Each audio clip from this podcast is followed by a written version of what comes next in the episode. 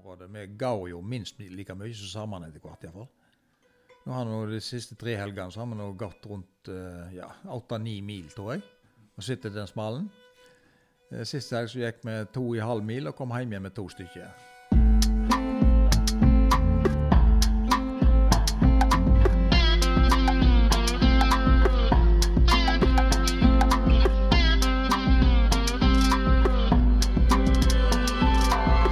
Pølsemaking restaurantdrift i 200 år gammel Stova, Kulturbrygg, fenalår, smalajag og hardingfele. Dette var litt av temaet da jeg prata med kulturarbeider Arne Fykse. Jeg heter AK og prater med ulike hardinger som har noe å melde.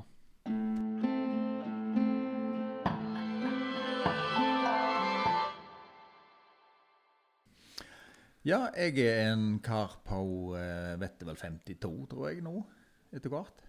Og jeg bor på ei lita grend inne i Fyksesundet som heter Fykse.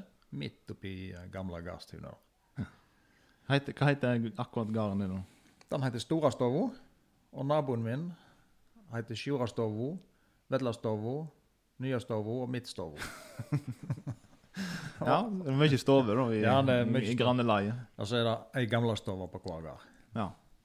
Og der eh, Det er noe vi må eh, egentlig kan begynne å snakke om. For du er en eh, kar som har gjort veldig mye eh, innenfor kultur og reiseliv. Eh, men du begynte altså veldig tidlig eh, med å lage restaurant.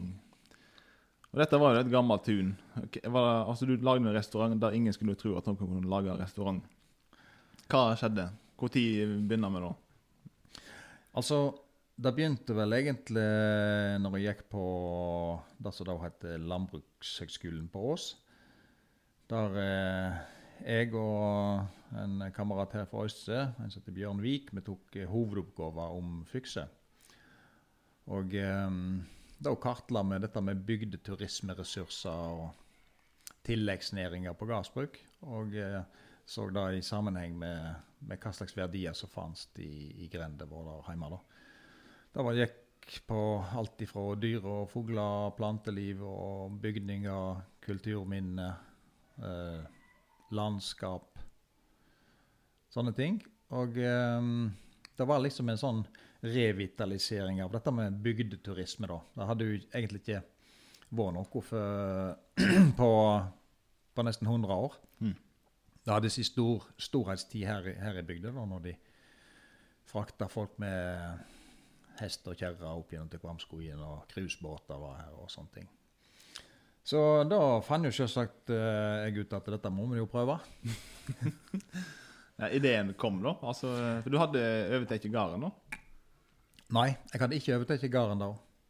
Eh, jeg overtok gården fem år etterpå.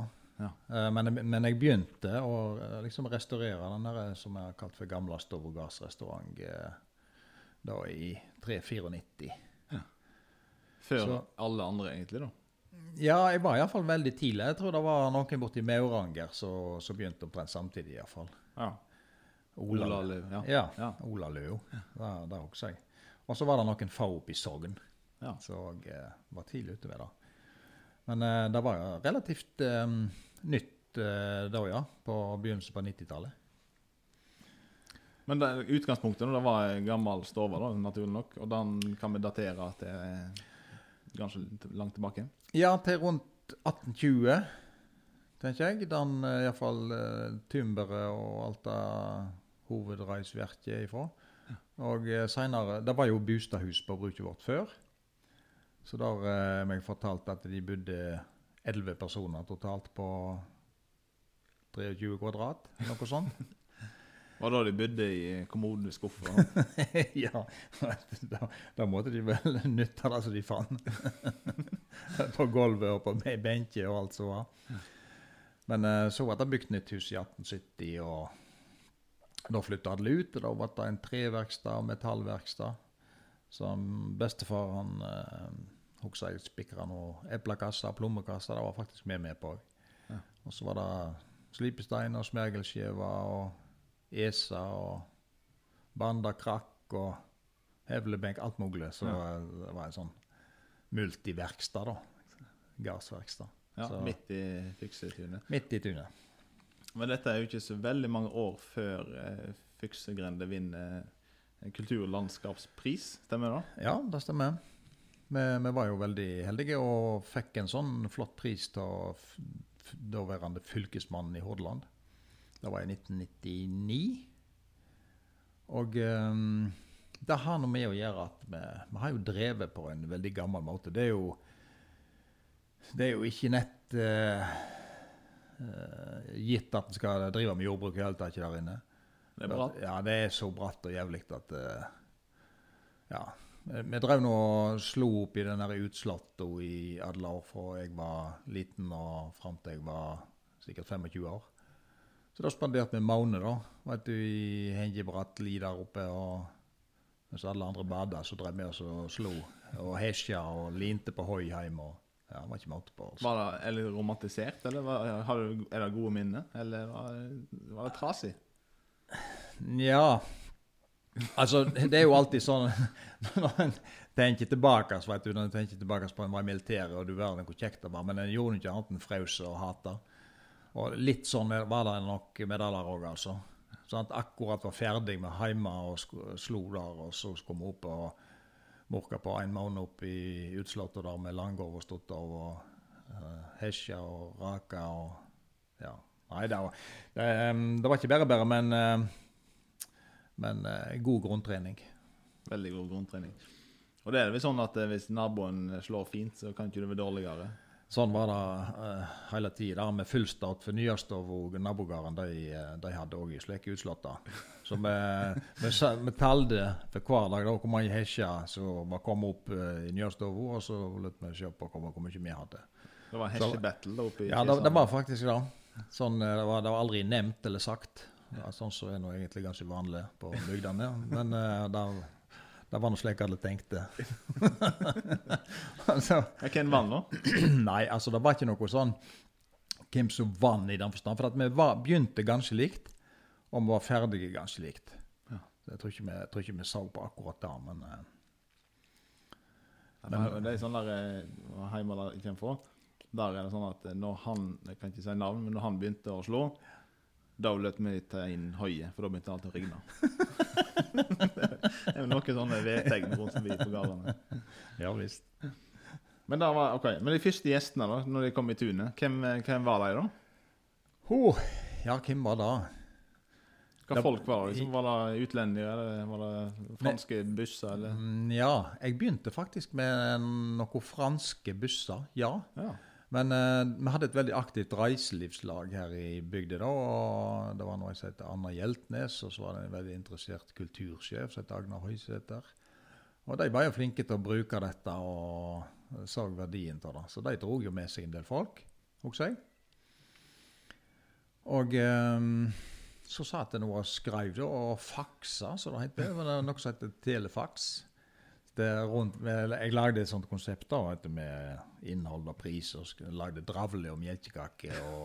Jeg drev og stekte på melkekaker annenhver dag du, til disse bussgjestene og kokte på dravle. Så det var nå en historie for seg.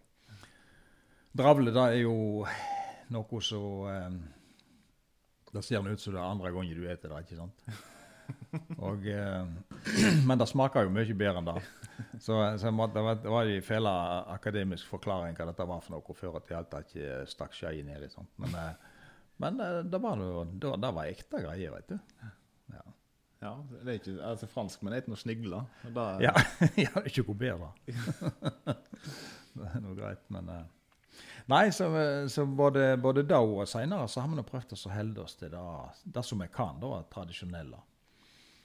Så um, i seinere tid så, så har vi nå servert veldig mye røykekjøtt. Og til hovedretter. Og det er salta og røykt lambabog. Og så er jo en del av det med å konservere maten i, i eldre tid. Um, nå har vi selvsagt uh, frysebokser, så vi hadde ikke tronje og verken salta eller røykt. Men uh, vi liker nå den smaken. Mm. Så, um, og det eh, gjør gjestene òg. Og da får de noe helt, helt genuint som er, som er lager hjemme. Korv og, og salta røykt lambebog og nepstappa poter og flatbrød og flåt. Alltid da, nok mat. Ja, det, det er vel litt av greia. Ja da, vi har, vi har nok mat, så det, jeg tror ikke det er noen som har gått eh, sultne ut igjen. Du har hatt celebert besøk òg. Da kom ei dame stegende opp i tunet med noe livvakt en gang. Ja, det, det var nå et stor hendelse. Jeg visste nå ikke hvem det var før et par dager før. og Da løp vi til å svinge kosten hele familien vet du, rundt i tunet der. Og så da var det selveste dronningen og kongen var med. og Så det, det var jo eh, både en stor opplevelse og ikke minst en stor ære. da. Ja. Det var det. Du sa takk for maten. Ja, de takka voldsomt. De var ja, aldeles alminnelige, fine folk. Og i både i framferd og i prat. Ja.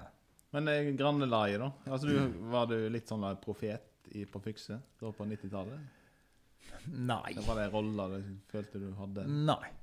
Det var det absolutt ikke. Eh, jeg har nå liksom eh, alltid prøvd å så fylt det så det som jeg har hatt lyst til sjøl. Prøve det. Og har ikke vært noen profet, nei. Har ikke prøvd å lære andre noe, iallfall. Nei, det kan jeg ikke si. Men, eh, men å prøve ut meg sjøl og prøve ut litt ideer og en veit liksom ikke eh, noe før en har prøvd. Nei. Det sa bestemor alltid òg. Ja. Prøver en alt, så veit en alt. Det er veldig, veldig godt ordtak. ja. Nå har du ikke prøvd alt, men du har prøvd veldig mye.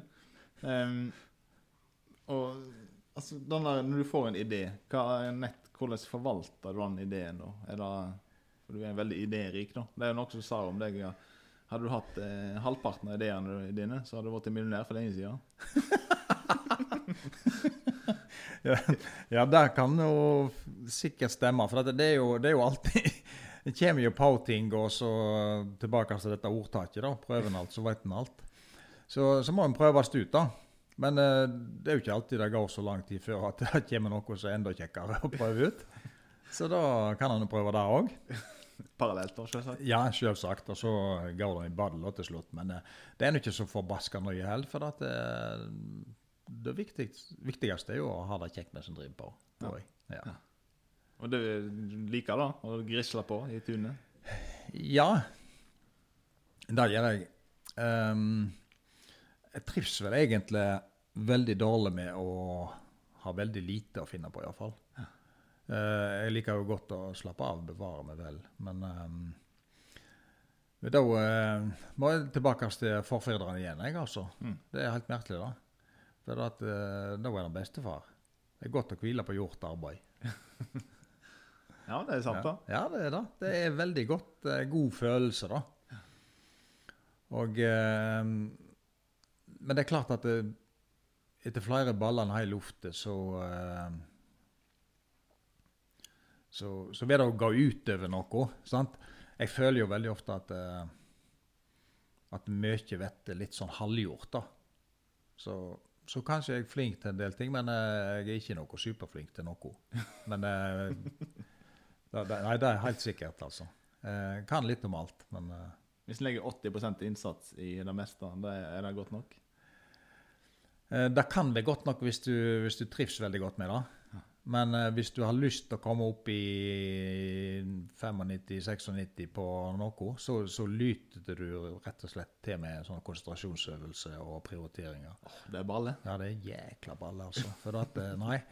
Vet, eh, drive litt med noe, og, og så ha noe som er ugjort på en annen retning, og så fortsette litt med det, og så går en tilbake til det hit, og så er det det tredje, da, og så kanskje det fjerde. Og da, da har en sånn fin variasjon, tror jeg, i livet. Når du setter deg ned med Excel-ark og begynner å regne på hva som kan gi en økonomisk avkastning av ideene, det Eh, er mer indre styrt, da, skjønner jeg. jeg har sittet med en del Excel-ark, jeg òg. Um, Det kjekkeste du gjør det? Nei, det har vært i forbindelse med søknader og slikt. Vet sånn eh, Prøve å gjøre en sånn her eh, Ja En økonomisk kalkyle. Så, men det er som regel det siste du ser da, altså. Etter du har sendt søknaden. så, ser, så ser en hva det går. Hvor det går. Sånn, Det er jo bare å morke på. og så- For hva annet kan en gjøre da? Nei, må bare kompensere med egeninnsats. nå. Bare gi Ja, gass, og så ja, det en ikke klarer, da må en eh, enten gjøre dobbelt så mye innsats på. Ja, ja nei, det, det er ikke så enkelt da. Men eh, jeg er helt overbevist om at eh, hvis en skal, skal lukkes økonomisk eh, med noe, så var en eh, Punkt én er jo også også brenne veldig for det som du setter i gang og driver med å.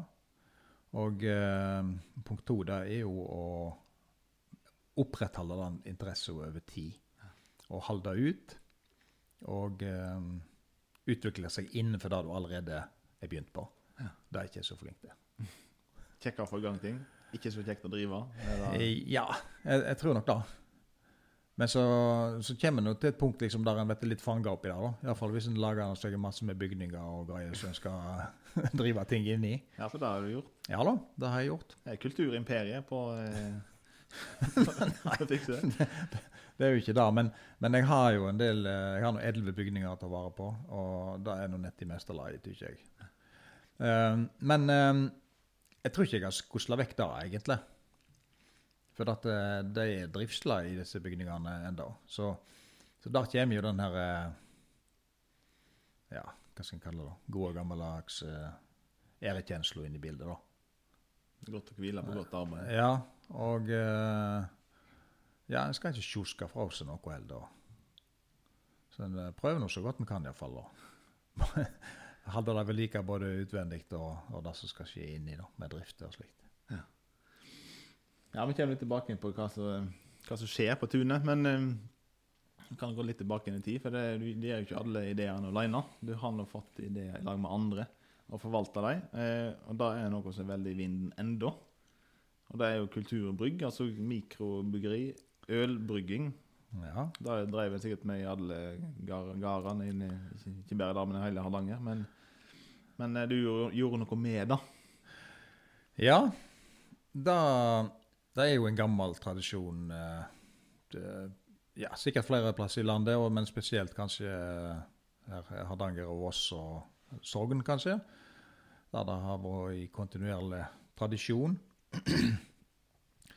Så eh, det med å produsere et heimabrugg på flaske, det, var nå en, en drøm som jeg hadde, og kanskje andre òg. Men um, jeg jeg vil litt tilbake til det som du nevnte med å, med å finne på noe i lag med andre. Det er, det er faktisk eh, har jeg sett mer og mer verdien av. Tidligere så tenkte jeg litt sånn Ja, dette her må jeg prøve på sjøl, veit du. Og jeg er ikke direkte holde hemmelig, for det kunne en ikke. Men eh, hvis en skal tenke sånn patentbeskyttelse og alt dette her, sant. På, på merkevarebeskyttelse og alt, og skal sitte aleine med ting, det tror jeg er bare tull. Da, da går en enda fortere lei.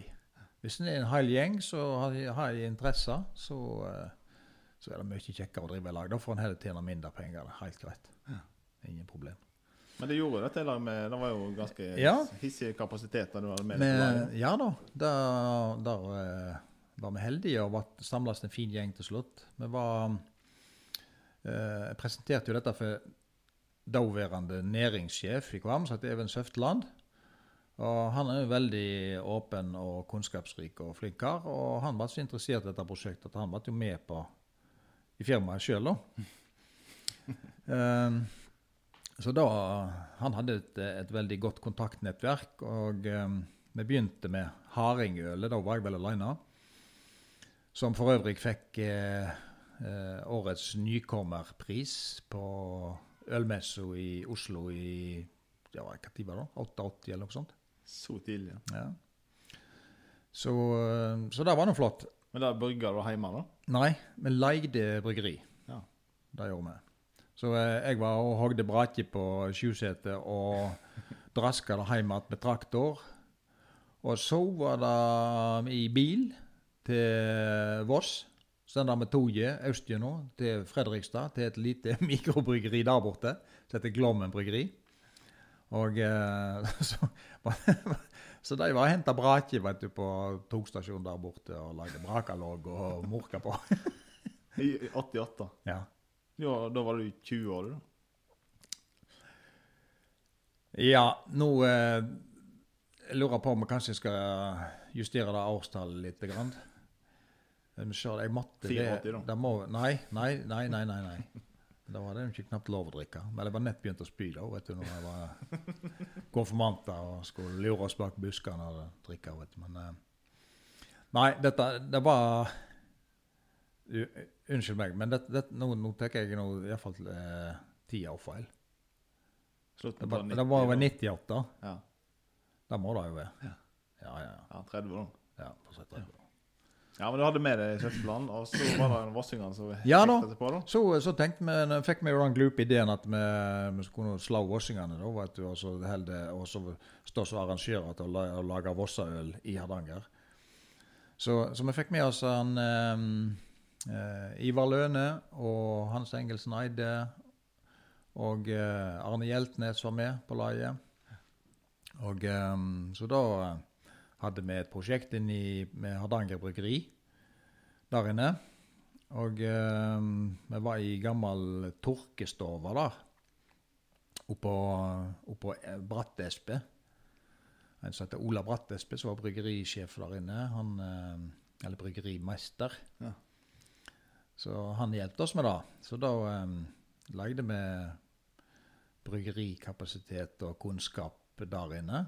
Så brukte vi dette, så fyrte vi opp i den tørkestova røy- torkestova, da, vet du, så vi fikk eh, røyksmak på ølet. og Så utvikla vi det som vi kalte for Vossaøl.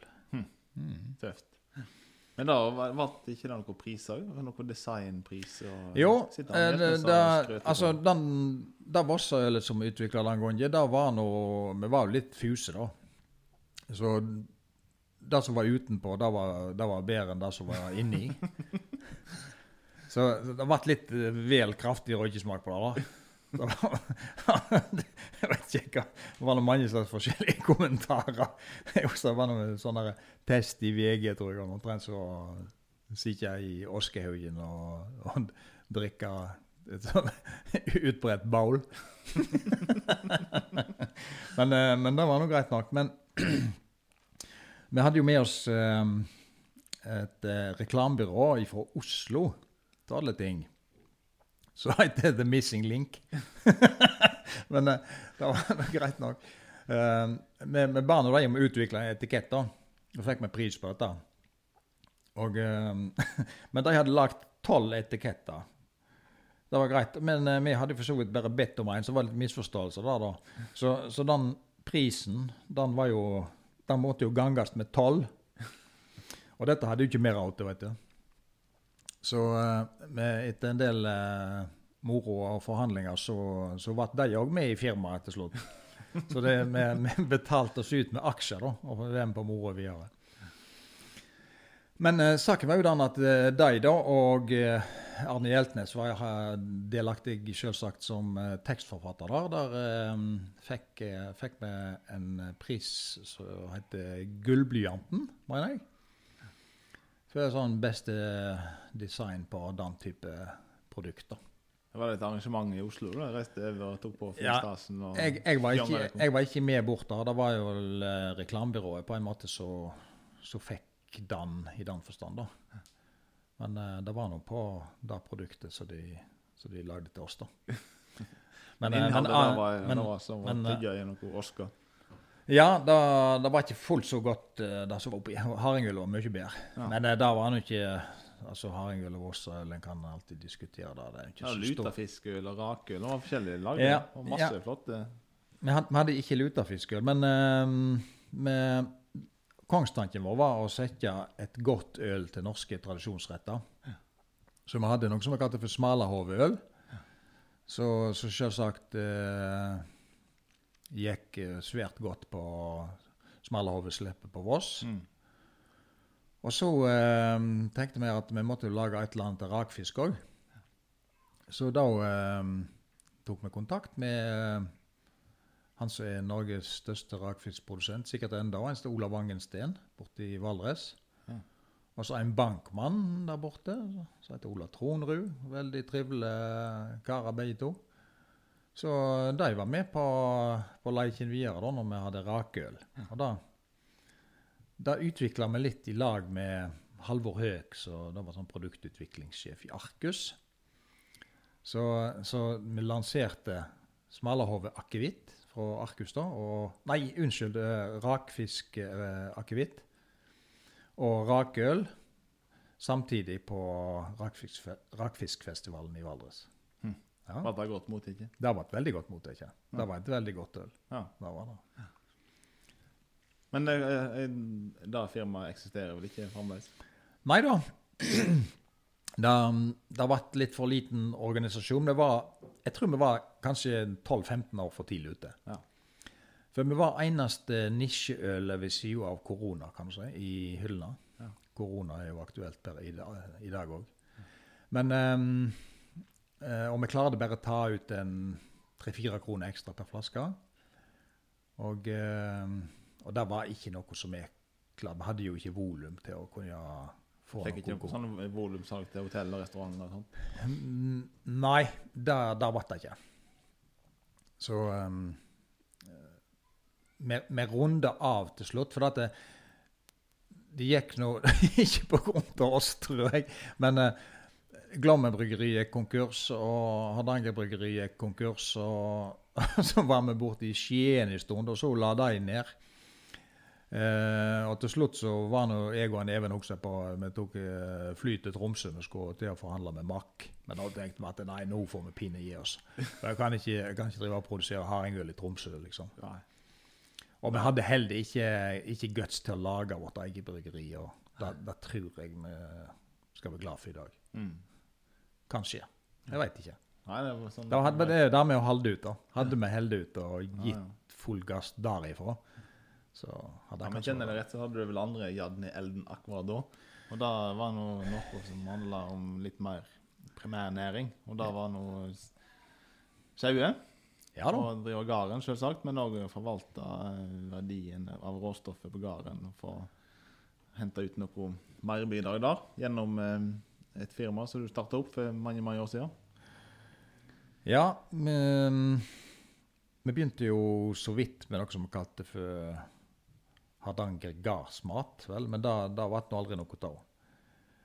Eh, så eh, var det jo eh, gode kamerater og venner her i bygda, da. Så du helt sikkert veit hvem er. Så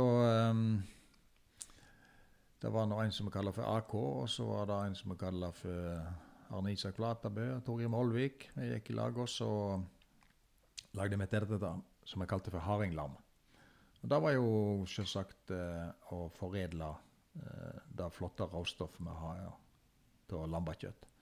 For det er riktig, sant? Det er ikke en eh, illusjon eller romantisert greie. Lambakjøtt er veldig bra. Ja, ja, ja. Det er jo det ypperste du kan få da, av husdyrkjøtt, tror jeg. Ja.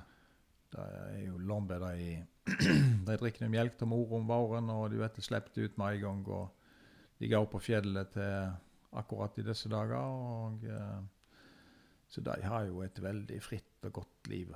Ja. Det har de. Og da vet de det er godt kjøtt òg. Mm. Og dette var jo da en tradisjonell eh, foredling, nå, med røyksalting og røyking. Og Ja da. Så um, der òg hadde vi jo samarbeidspartnere. Vi samarbeidet med Lunddal nede i Åkrafjorden, for vi hadde jo ikke kapasiteter sjøl til å ha noe volum på det. Men uh, sjøl begynnelsen, den, eh, den var jo òg hjemme i kjedleren. Gikk på med friskt mot. Liksom med gammelt røykeskap og to ganger én meter. Og så det var ikke så mye vi fikk lagd, men um, Gikk det bra med alle fenalåra? Eh, ja, hva skal en si? Det, det ble litt for mye for oss, tror jeg, en liten stund. Slik at uh, Dette er noe fryktelig mange år siden nå, så en kan jo for så vidt fortelle det nå. Men eh, det, det var noe som gikk både makk og mus i. Så, uh, så vi kalte det vel for spekekjøtt MMM, tror jeg. Den ypperste varianten. Det var med mye makk og mus. Så, men men, gikk det- men, det- ja, og var Nei, jeg var ikke så gal. da. Vi, vi kunne jo selvsagt ikke selge annet enn det som var, var brukende, men uh, det, var, det, var, det var jo litt mer sving på det uh, seinere. Det var det når vi fikk, fikk litt mer kontroll på, på det vi drev med i, i større volum. Uh, hva i svart var det som gjorde at vi ga oss med det, da? Ble det kjedelig òg? At jeg finner på noe nytt. Nei, altså, det er jo om å gjøre å gjøre alle feil som kan gjøres. Ja, ja da. Da Da, er noe, vi prøvde liksom å ekspandere ut med forskjellige produkt, men eh, i stedet for bare kjøre det som en tjente penger på. ja. Nei, Nei vi, vi runder jo bare av det. Men em, det er jo litt kjekt eh, med alle disse prøvelsene som har gjort. Så jeg har ikke gått konkurs, faktisk. Bare runda av og funnet på noe nytt. En evig sirkel. Ja, men var, det, men jeg kan ikke slippe helt der hagen der, men for det, Nei. det var jo eh, Det var jo til utlandet. Ja da.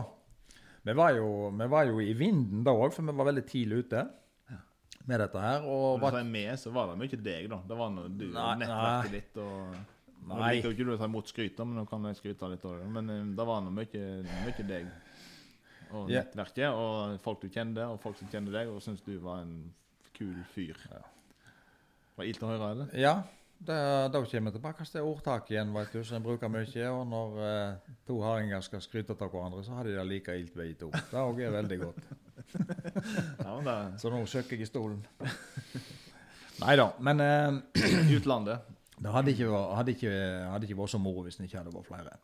Og vi var jo så heldige at vi ble invitert i lag med Innovasjon Norge da, til eh, Grüne Woche i Berlin. Ikke bare én gang, men var det to ganger. Og eh, det var jo en fantastisk eh, opplevelse, først og fremst. Og eh, først og fremst eh, markedsføring av norsk mat og norsk kultur og norsk musikk og alt dette. Eh, hvor mye vi hadde igjen for det, det var noe Det var faktisk en del. Ikke i Tyskland. Det, vi kom vel aldri så langt at vi hadde store eksportavtaler til Tyskland og utlandet, men de eh, likte, likte det ikke, skjønte ikke hva det var. Nei da. Vi måtte jo jazze opp eh, de måtte endre markedsstrategi. ja, Husker Også hva skilt eh, Det var du som kom på det. Hva skilt vi lagde. Nei, men det ble noe litt forskjellig da, men det, det var noe samme hva vi sa det var, vet du. Om vi sa det på tysk eller norsk eller engelsk, det betydde noe ingenting. Vi Stakk noe bare i de. Luftgetruknet lamkøyle. Kan leve i ei uke på den setningen. da. Helt til fikk et spørsmål, da sto Ja, ja. Ja, Der smiler han. Mitt Erleholz geräuschert. Ja da. Og så, ja, vi lagde vel Wenche Myhre-skinke slutt- måtte jo snakke et språk du skjønte. Ja, ja. ja. Sant? Og til slutt, Tilpassa markedsføring, da. til slutt så ble det bare så light og hele greia. Det gikk jo det, Jeg vet ikke hvor mange som er inne på grynet vårt, men det er jo snakk om millioner. Ja, det er liksom. enormt. Sånn, Det går i er verdens største mat- og reiselivsmesse. Ja. Var iallfall da. Ja. Det er jo lenge siden, da, men ja. Ja. Nei, så til slutt vi ble vi jo aldeles øreveitet til både det ene og det andre. Så uh, vi delte vel ut både gammel silo og Torøy og alt mulig. Vet du. Vi sa bare på skøy, altså. Men uh, vel, vel. Det var nå det. Men uh, vi fikk mye fine avisomtaler hjemme. Og det var vel det viktigste med å komme seg ut, det er at du vet lagt merke til hjemme. Og det var, det ble vi jo. Mm. Ja. Og en russer med frakke. Ja, ja, ja. Panda, ja. ja, ja. Han hadde setlerbok i håndtjok. Han var du, i euro, 100, 100 euro settler, vet du. Han skulle ha det dyreste på hele markedet. Ja, Ja, for, eh, for Ja, ja visst var det det. Stemmer det. Ja da. Nei, han eh, skulle sikkert ha seg eh, i hyrdestund på hotellrommet, han, vet du, og skulle, skulle eh, varte opp med det dyreste på, på hele messa. Ja, han var sikkert, han var sikkert fornøyd. Men eh, ja. Eh, og du har jo videreutvikla den etter det Hardingland-konseptet, som da var litt tidlig. Så har du nå etablert eh, kjøttverksted hjemme på gården. Og da er vi liksom tilbake inn på fra, fra Berlin til, til Storalstova igjen. Ja da. Gards- og bruksnummer, det er da gass nummer 70 bruksnummer bruks nummer 6. Ja, og da heter det merkevaren din. Ja, Fykse 76. Ja. Og der går det så det hyler, da. Ja, det har jeg nå si, si attåtnæring da òg. Så um, sånn som det um, framstår i dag, så lager vi nå pølser eller korv da, og så pinnekjøtt og spekekjøtt og røykekjøtt og litt spekepølser. Og så skjærer jeg ned en god del hjort for jegere og sånt. Lager steike og fileter og pølser og kjøttegg og sånt. Det er gryteklart til, til de som kommer med kjøttet. da. Mm. Det er gjevende. Det liker du. Ja, det Det syns er jeg er fint. håndverk, produksjon. Ja da, det er det. Og så um, Jeg har nå prøvd å, å hatt uh, T-sett og sånt i gang, men uh, for min del så er ikke det så gunstig, tror jeg. jeg liker best å styre dagene sjøl. Ja. Og uh, så da Enten sier jeg ja, eller så sier jeg nei. og du vet Når en har folk i arbeid, da er det litt kvister på å holde dem i arbeid. og Etter mer de produserer, etter mer vet du, må du selge. og etter vet du, mer tullete du du i hodet og hele greia. Så da gidder jeg ikke mer. Nei. Men du har eh, altså, selvsagt eh, restauranten. Den, Ja. har du jo ennå. Altså, det er Ja. en av de elleve byggene du skal Ja. fylle med aktivitet. Eh, 12. mars stengte Norge. Eh, hvordan hadde det innvirkning på virksomheten din? Ja, det hadde jo en veldig stor innvirkning da, dette året. Vi hadde jo hadde jo bestillinger på faktisk eh, rundt 6000 gjester dette året. Og eh, de begynte nå å avbestille da allerede i mars. Og når vi nå teller opp sesongen, så kom det altså ingen. Null. Null. Faktisk helt nede null. Det er ganske godt gjort.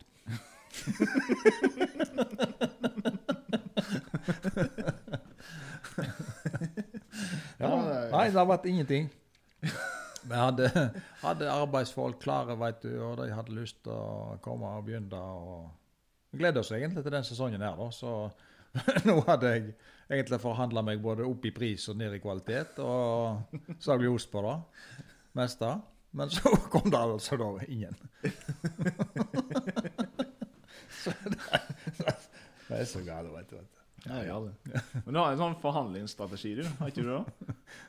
Nei, Jeg veit ikke nett hva du tenker på, men Nei, hvis skal, Det lærte jeg til deg. Det, var, det er lenge siden. Og da er det, hvis du skal forhandle om en pris, så må du se den andre i øynene, og så må du si 1000 kroner, hvis det er det det koster. Og hvis han da ikke blunker, så må man si pluss moms. Ja da, momsen den lærte jeg meg nå ganske tidlig at den må en alltid plusse på. Alle priser som forhandler om den, må eks-moms. Men det, men det kommer altså ingen nå på, på tunet, og det er trasig. Men eh, du tror du det kommer til å kneke seg til? At en vet eh, nye tider? Da vet jeg det helt sikkert. Jeg tror kanskje det blir endringer. Kanskje jeg skal begynne med uterestaurant. og Da tenker jeg ikke at jeg skal sette folk på en platting, altså. Men da skal de få lov å sitte rundt opp på hellrene og på steinene rundt omkring og ute på bakkene. Det hadde vært litt tøft, faktisk. Det er en Eh, ny idé. det er en ny idé. Men um, også Heldra hotell. Heldre av. Ja, Ja. det òg hadde vært tøft. Nei, men. Vil ikke spare noe til neste generasjon. Men uh, jeg er litt usikker på hvordan neste sesong blir, når det gjelder akkurat eh, turister, altså. Jeg tror du deler med veldig mange. Jeg ser for meg liksom scenarioet hvis uh, Hvis det er én buss med én som er smitta, hva gjør en da? Ja, da vet jeg selvsagt uh, det er et sånt uh, svære smitteregime, og så litt alle arbeiderne gå, og så har du da én buss til senere på dag. Og så har du tre busser neste dag, og to busser da, og så har du ikke arbeidsfolk. og det der ser jeg litt mørkt på. Ja. Akkurat da. Så jeg er veldig usikker på hva jeg skal finne på. Det er klart at eh, Eller det vil si, jeg er ikke usikker på hva jeg skal finne på, men jeg er usikker på om jeg skal drive på samme måten Mm. som i fjor. Mm.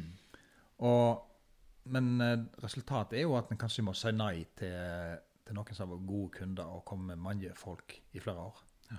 Det er litt balle. Du får hyse dem i heldren, og så får du sette dem på hver en bø. Og så eh, dra opp noen gamle, ekte sorger og uh, gjøre det på autentisk vis. Da er salgbart. Ja. Ja. eh, du har den ektheten i det, da, til å kunne formidle noe som er ekte, og noe som ikke alle veit om. Ja da. Jeg tror at det ideen der er, er veldig fin. Men uh, vi har jo noe som vi kaller for regn her på Vestlandet. Og iallfall hvis en skal være ute, da, så er det et sånt praktisk problem. Jeg vet ikke, men Ja, eh, det er- det er ingenting er uløselig her i verden. Det er faktisk ikke det. Så eh, Nei, men det er Fyksegrendet som en arena, da. Eh, For de som ikke har vært der, bør jo ta seg en tur bare for å se hvor flott det er oppe i liene. Og nå skal vi ta, må jo dykke litt inn i disse her teigene, da, for det, du vil ikke tro hvor bratt det er innover der. Og gården din eier jo noe innover der mot eh, Kastal. Kan ikke du bare eh, si hvordan det er å bevege seg i bratt lende inn i Fyksesundet, så til slutt skal vi enda innst. Ja, det er, det er nå faktisk ikke råd å gå der. For um, skal du gå ifra, ifra Fykse til Botn, så lytter du jo nesten på Vossagrensa før du kommer ned igjen. Så gå inn i Fyksesundet, det, det er ikke råd. Iallfall ikke på, på østsida, egentlig. Da lytter du langt til fjells. På milevis, vet du. Eller med tau. Ja, det er klart det, det går jo det òg, hvis du vil bruke et par dager. Men eh, vi har eiendommer der inne òg, ja, så de faktisk eh, slo i før. Og eh, grunnen til at de dreiv eh, såpass Ja, hva skal jeg kalle det? Det er vel både intensivt og ekstensivt. Men eh, eh, de trang de små jordlappene de hadde hjemme til, til kodden og folkemat. Og, og mat til, til grøtere, det måtte de, måtte de hente i utmarka. Og det var lau, og det var bork, og Og det var de små gresslekkene som var på sånne utskjekler så der inne i Fykssondet. Så da rodde de inn og hadde med seg eh, masse med nyslipt ljau, og så kludde de opp gjennom bergsina der og slo, og så hadde de gjerne ned eh, Tørka det der inne, og så eh, oppbevarte de i løa. Eh, eller tok det i båt og hjem. Eller de kjørte det hjem om Løy- Løypestrenger. løypestreng ned, på, ned til sjøen. Hva heter det? Her, er- nå er vi veldig Ja. på dette. er Ja smalt, men dette Ja. er jo så kjekt å høre om. Ja, nei, altså det som vi heter Nei, vi eier, der heter jo Bjørje. Så, så eh, eiendommen ifra sjøen og opp gjennom. Og hvis du, hvis du ser den ifra sida, så er den vel 160 dekar eller noe sånt. Og hvis du ser den oventil, så er den ikke mer enn 3-4 dekar, tror jeg. Så det, Og dette da må du komme inn med båt, ellers må du, det er fryktelig langt rundt. Ja da. Og så må du opp, og dette er da for de som er veldig lokalt kjente, da, så er det innom Kastdal Ja da. Det er, først har du veien går til Klyve, og så lytter du i båt videre inn gjennom til, til Botnen, da. For der går ikke det vei. Der går ikke vei. Så der eh, Så er det opp Blauningsgjel, er ikke det? Ja da. Er det på deg? Eh, det er, det er grensa på oss og Ørvike. Ja. Og så eh, I Noretun, som det heter, da, så har vi hver vår eh, tre teiger der. Det er Vetlastova, Sjurastova og Storastova. Har hver sin teiger der opp mot Stimlenuten, som det heter. Og så eier vi opp til Bjødnabeten, som ligger på toppen oppe av Bjørje. Så er grensa til Skåro, da. Som er den største gården i Hordaland, faktisk. Ja. To dekar dyrka mark og 29 998 dekar med gravfjell. Ja. Mm. Og det er jo en karakter som bodde der fram til han døde. Eller ikke fram til han døde, men han døde da i 2013, 16. mai. Ja. Og det var Jon i Skåro, og han kjente du. Han kjente jeg, ja. Det gjorde jeg. Når møtte du han første gangen? Eh, far min var nå veldig godt kjent med han, og uh, vi hadde kalver inne på uh, Flatabø, inne i Botn. Leide stutearbeid der. Og eh, da var vi alltid, ikke alltid, men ofte opp en tur til han Jon på disse turene vi var saug til, saug til stutene der inne. Lærte du mye av ham? Altså, det var jo eh, verdens roligste mann. Snakket en fantastisk eh, flott, ekte Kvamma-dialekt. Rolig, kunnskapsrik og eh, ja, veldig sånn ekte naturmenneske, da. Det var, en skulle tro at, eh, at en kar som bodde på en sånn plass eh, At det kunne gå, gå rundt for noen enhver når en bodde alene i så mange år der oppe. Men eh, han var veldig stødig i seg sjøl, altså. Det var han. Var han Ja. et ideal for deg? Tenkte jo stunder på han Jon, ja. hvordan han hadde det, og hvordan han eh, tenkte, og hvordan han takla tilværelsen. Og eh, hadde roen med den tilværelsen. Så tenker jeg av og til på det nå, f.eks. vi var på smalajag nå sist helg. Da reiste vi opp til Syrdal, da, som er stølen vår, og eh, fyrer i en skarvovn der, ikke sant, og kjenner ovnsvarme. og ikke er det dass, og ikke er det vann. Du må ned elv etter vann, sant, og, og, bare høre det knitre, og alt er stilt, og bare høre elvasusen. og så det, det, er noe veldig ekte og skikkelig med det, ja. egentlig. Det tykker jeg. Ja, mange som sa det når han for. Da, eh, den neste kulturbæreren, da vet du da deg. Nei, det, det, det, er noe, noe sko å fylle der. Ja, nei, det klarer en aldri. Det klarer en aldri.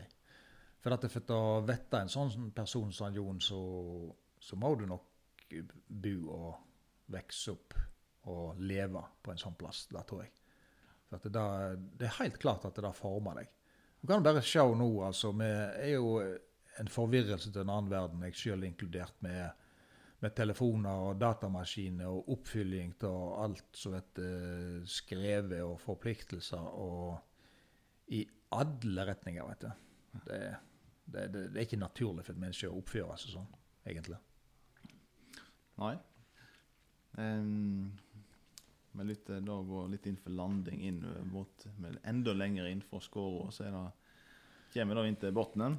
Der det vært mye. Det er vegløs ja. Eh, grend. Dur en og en halv person der inne. Ja da. Ja da. Det, det begynte når jeg var liten, da når vi var inn med stutene, som sagt. Og eh, altså til og med jeg som er født og oppvoksen på Fykse, syns alltid det er veldig fint å komme til bunnen. Det er en sånn fin, fin ro der inne med, med alle ting. Og, men det var ei, ei veldig levende grend, havet Og eh, det var jo skole der inne. Og eh, det som du kanskje òg tenker på, er jo utviklingen av hardingfela-instrumentet som foregikk der inne. Det begynte jo faktisk òg på den nevnte gården Skåro. Eh, en Eh, tidligere slektning av Jon, som heter Isak Nilsen Skaar. Eh, han var jo født i 1663 og er jo den som på en måte utvikla hardingfela. Han, han, lagde nok ikke hardingfela, eller fant ikke opp hardingfela i den forstand, for dette har nok vært i utvikling i veldig lang tid òg før han. Men eh, han setter i gang eh, en stor produksjon han kombinerte sannsynligvis egenskapene til fiolinen, som på en måte var fullutvikla på slutten på 1600- og begynnelsen på 1700-tallet. Sånn byggteknisk. Beholdt eh, det som er spesielt ved hardingfela, eller den gamle bondefela, understrengene, som gjør en sånn ekstra klang i instrumentet. Eh, produserte disse i stort antall. Og eh, ikke minst sønnen hans, som heter Trond Flatabø, Trond Isaksen Flatabø, han bodde nede på Botnen. Han tok dette eh, arven etter faren videre. Og eh, var den største utvikleren og produsenten av hardingfele på hele 1700-tallet, egentlig. Så eh, Det var rike, eller altså, hvor impulser fra andre plasser? Altså, var det mye fioliner i omløp? Det var selvsagt eh, en del fioliner. Men eh, det var hardingfele som var instrumentet til, til bygdefolket. Til, til, dans og til høgtid og til bryllups og gravferd og alt. Alt som heter festligheter. Så um, det var populært og i bruk både i selvsagt Hardanger, Voss og i Telemark og Valdres og Hallingdal. Og han, eh, Trond var egentlig den som forsynte alle disse plassene med hardingfele på, på 1700-tallet. Det har vært sagt at han lagde over 1000 instrument. Så de har jo pønska på da, disse felemakerne eh, i dag, at uh, en mann kan ikke lage så mange instrument på et uh, livsløp. Så, så, det har sikkert vært en, en hel industri egentlig der inne. Der flere har vært i arbeid med dette. Og um, han gjorde veldig gode penger på det, ja. Du var nett inne på det. Uh, når han døde, så uh, Så var han faktisk en av de rikeste menn på Vestlandet. Ja. Han eh, hadde eiendommer i Bergen og var medeier i frakteskip og gjestgiversteder og hadde, hadde veldig mye penger på bok i tillegg. Men eh, han var jo en eh, kunstner. Um, men eh, hva, hva var det som på en måte skilte denne produksjonen? Eller hva som skilte hardingfele fra fiolinen? Sånn, Ja, det er jo det som ofte blir nevnt. da, altså På ei fiolin, der, eh, der vet den strenja opp med kattetarmer. Mens ved hardingfela så, så bruker du hele katten. så det er ikke noe å lure på, da. Neida. Men har du sett noen av eh, Botnafjellene? Ja da, jeg har sett mange av dem. Eh, Jeg har spilt på de òg, og eh, de var regna for, for veldig gode instrumenter. Og de var jo de beste instrumentene som var bygde på den tid. Ja. Det var det absolutt. Du har med deg et eksemplar, ikke Botnafjellet, men du har med deg et flott eh, eksemplar her som, eh, som vi skal ta bilde av og legge ut, selvsagt. Men um, kanskje du vil avslutte med å spille noe? Det kunne jeg alltid gjort. Dette instrumentet her, da er, den er laga av en kar fra Eifjord som heter Anders Ausen. Han eh, lærte seg eh, dette sjøl, for tidligere så, så var det jo slik at eh, både spelemenn og felemakere de holdt på kunnskapen sin veldig mye. De ville egentlig ikke dele noe kunnskap med andre. Og da naturlige forklaringen på det er at det var yrket deres, egentlig. Så det var innkommo. Eh, Anders Ausen spurte vel flere om han kunne få komme i lære og lære dette, og fikk nei. Nei, greit, da. Og eh, det var sånn, sa han Olaf Bu, så jeg kjenner han veldig godt, kjente han veldig godt der inne. Og du veit han Anders, han spurte ikke til ganger. det var grei skuring. Greit, da lærte han seg tysk. Kjøpte seg eh, et sånt eh, 10 cm eh, tjukt eh, Geigenbauer-leksikon og eh, Eller eh, oppskrift på å bygge fioliner, da. Og han eh, kombinerte dette med den kunnskapen som han allerede hadde, og las den. Og eh, bygde veldig gode hardingfeller, så, så mange, mange storspillemenn har, har brukt opp gjennom tidene. Hva vil du spille da? Tja, hva skal vi spille da? Blir jo spille en Fjordaslott da, kanskje? En slott. Ja. Det passer bra.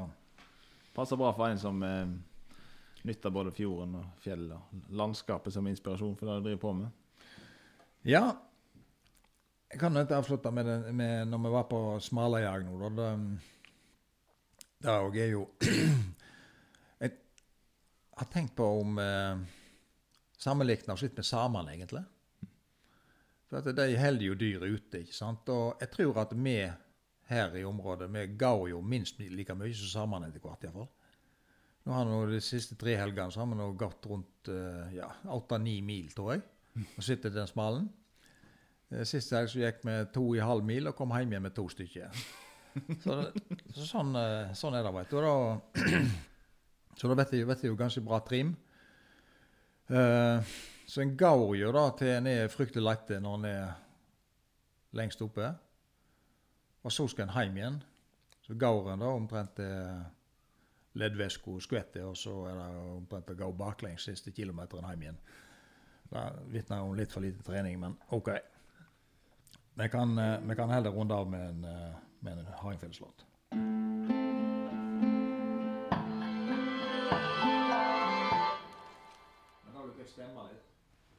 Det er jo fint.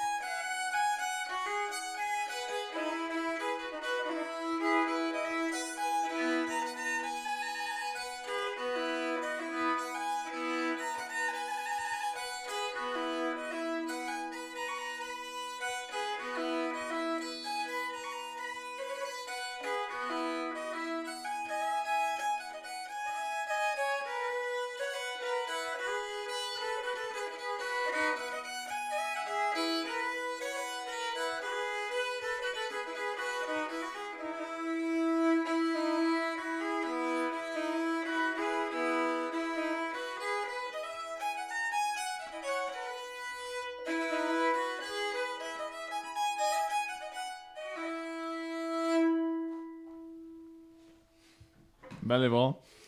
Ja, takk. Og det går ikke an å avslutte på noen kulere måte. Så tusen takk for at du ville komme. Jo, takk sjøl. Lykke til med Jeg kommer til å bo i helderen din hvis jeg får lov til det. Ja, hvis du bare får konstruert det opp, så. Takk for at du ville komme. Og lykke til videre.